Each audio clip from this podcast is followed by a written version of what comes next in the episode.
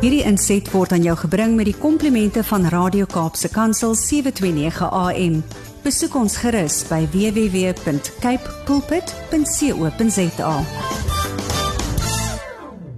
Liewe luisteraars, ek is Marita Martins en wat 'n voorreg om vandag weer saam met elkeen van u om die woord van die Here te wees in 'n tyd soos hierdie. Ons tema vir oggend is Heilig my Here.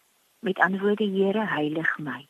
Want in hierdie tyd van ons en hulle durf ek nie soos 'n vuil plastieksak of 'n droë blaar te wees nie.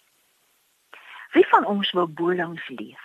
Soos blare wat na 'n wilde storm in die vloedwaters rondtol, teen ander opdrifsels uitspoel en daar bly vashak. Watter Christen in Suid-Afrika durf nou in een van die grootste storms wat die mense van ons land nog ooit getref het, bolangs voor die aangesig van die God van hemel en aarde leef? Wie van ons wil en durf nou soos drywende blare wees wat uiteindelik saam met ander bioafbreekbare opdrifsels verrot en na of tydens die storm bloedwynig vir die land vir die koninkryk van God beteken.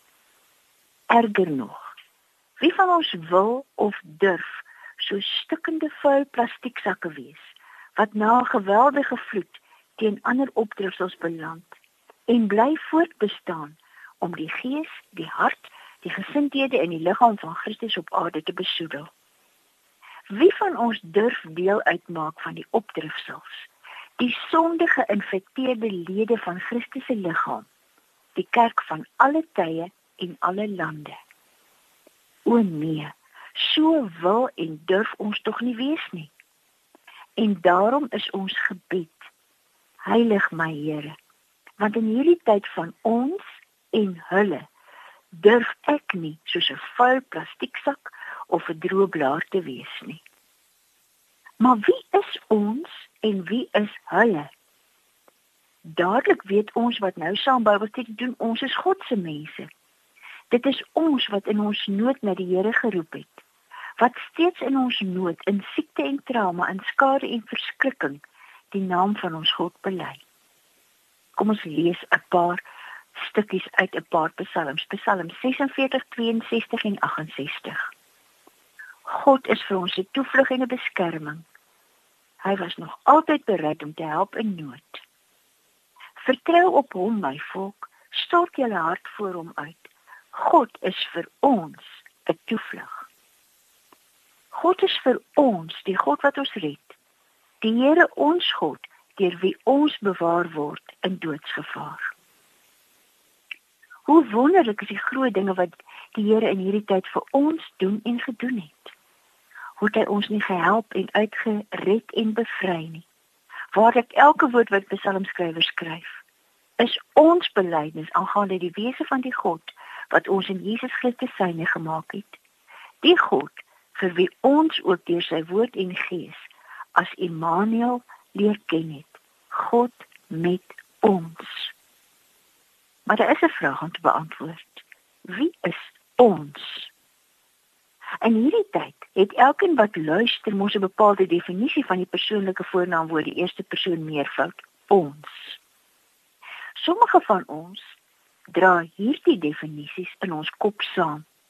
Ons is ek en my gesin. Of ons is ek en my gesin en al my Bybelstudie vriendinne. Of ons is ek en my gesin en die lidmate van ons gemeente. Of ons is almal wat in Christus is. Of ons is die wat oor alle kultuurgrense wil saamwerk.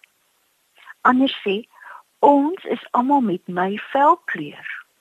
Of ons is die mense van my politieke party. Of ons is die mense van Suid-Afrika. Of ons is die wat nie tot strafbare misdaad oorgaan nie. Soos dit ook met die persoonlike voornaamwoord die derde persoon mevrou hulle. Elkeen wat luister, dra die definisie van die voornaamwoord hulle in sy of haar kop rond. Sommige dink hulle is almal wat nie in Christus is nie. Of hulle is die plunderaars of hulle is almal wie se velkleur van myne verskil. Of Hulle is die misdadigers. Erger nog, hulle is die mense vir wie ek na die verskriklike storm in my hart vervloek. Die slegtes wat die goeies se hele bestaan ontwrig en baie ander se drome verwoes het. Ken jy sommige van die sogenaamde onskuldpsalms met hulle verskriklike vergeldingsbedes in die Ou Testament? In wese skryf die skrywers van daardie psalms dat die Here die wat goeie mense se lewens verwoes met die allerverskriklikste langtermynvonnisse moet vonnis. Die inhoud van hierdie psalmgenre is so hard en so genadeloos dat ons hulle eintlik nie wil lees nie. Maar, maar dit mag wees dat duisende gelowiges nou met sulke harde genadeloose gedagtes loop dat ons daai psalm se woorde dink dat ons sulke gedagtes oor hulle dink. Opdrifsel gedagtes, plastieksak gedagtes, geïnfekteerde gedagtes dat ons opdrifsels gedagtes woorde word. Ons woorde gesindhede, ons gesindhede 'n gruwel voor die aangesig van die Here. Daar is 'n gebed om te bid voordat ons gedeeltes van een van die vreeslikste vergeldingspsalms, Psalm 109 lees en ek gaan net 'n paar gedeeltes daaruit lees. Die gebed wat ons bid is eers: Heilig my Here. Want in hierdie tyd van ons en hulle durf ek nie soos 'n vuil plastieksak of 'n droë blaar wees nie.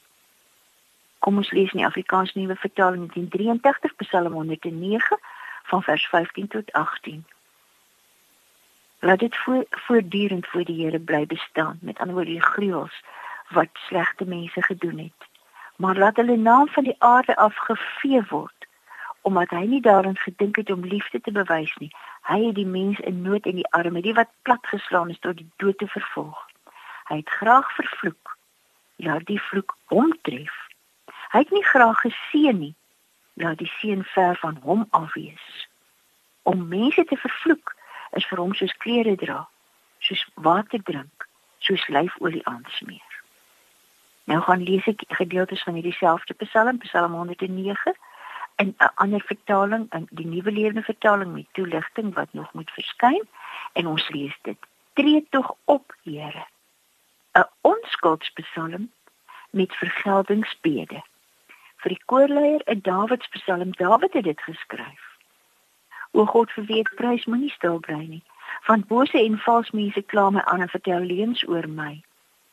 Hulle omring my met woorde van wraak en sonder rede val hulle my aan. As antwoord op my liefde is hulle my aanklaers en dit terwyl ek vir hulle bid. Hulle vergeld my kwaad vir goed en haat vir die liefde wat ek gee. Stel 'n bose persoon aan teen hom en 'n aanklaer aan sy regterkant. Wanneer hy geoordeel word, laat hy skuldig bevind word en sy gebede as sonde gereken word. Laat sy daar min wees dat iemand anders sy plek inneem. Laat skuldeisers beslag lê op al sy besittings en vreemdelinge alles vat waarvoor hy hard gewerk het. Mag niemand vir hom goed wees of sy weeskinders bejammer nie. Mag al sy afstammelinge sterf en hulle naam in een geslag uitgewis word. Mag die Here nooit sy voorouers se sondes vergeet nie. Mag sy moeder se sondes nooit uitgevee word nie laat hierdie sondes voortdurend voor die Here Jahwe, die God van Israel nie verbond wees, maar dat sy kinders se nagedagtenis uitgewis word uit die geheue van mense. Hy was nie goed vir ander mense nie, maar het die arme en die behoefte ook die wat moedelose tot die dood te vervolg. Hy daarvan gehou om te vervloek. Laat hy dit nou self ervaar. Ander het hy nooit gesien nie. Laat sien vir hom ook ver af wees. Vervloeking was vir hom soos klere, soos water vir sy liggaam, soos olie vir sy bene. Mag sy vervloeking wees soos klere wat hy dra, soos 'n gordel wat hy aan het. Ek sal aanhou om die Here Jahwe, die ewige, die God van die verbond te dank, hom prys te midde van die menigte, want hy staan langs die behoeftige, gereed om hom te red van hulle wat veroordeel. Sjoe, dis erg, sê jy. Wat moet ons hiervan maak? van so 'n psalm. Mag ons ook so praat. Mag ons ook so bid. mag ons ook so dink. Elke letterkundige werk dateer uit 'n spesifieke tydperk in die wêreldgeskiedenis.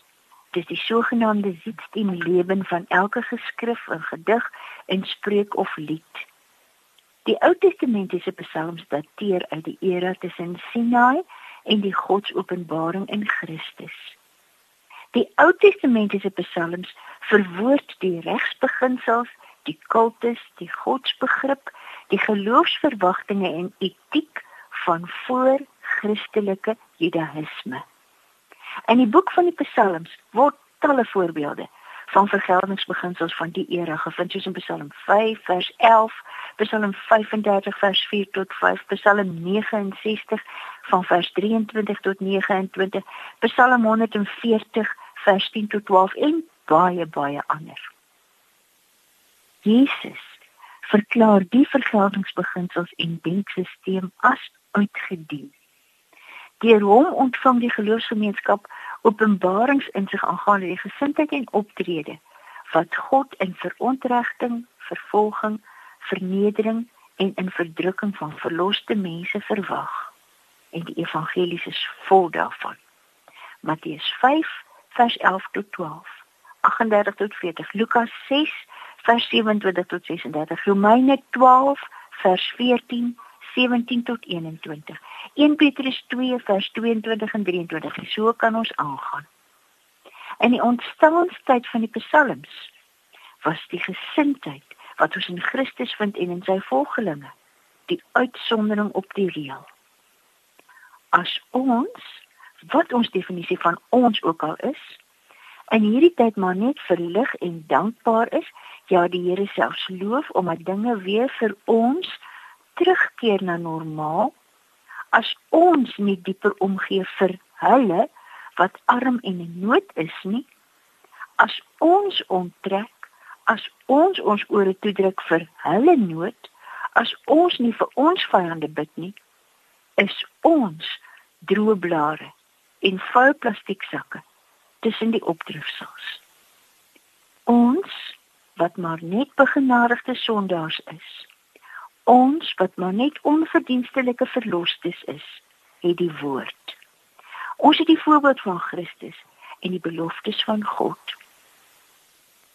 In Jesaja 58 vers 10, dis in die Ou Testament staan.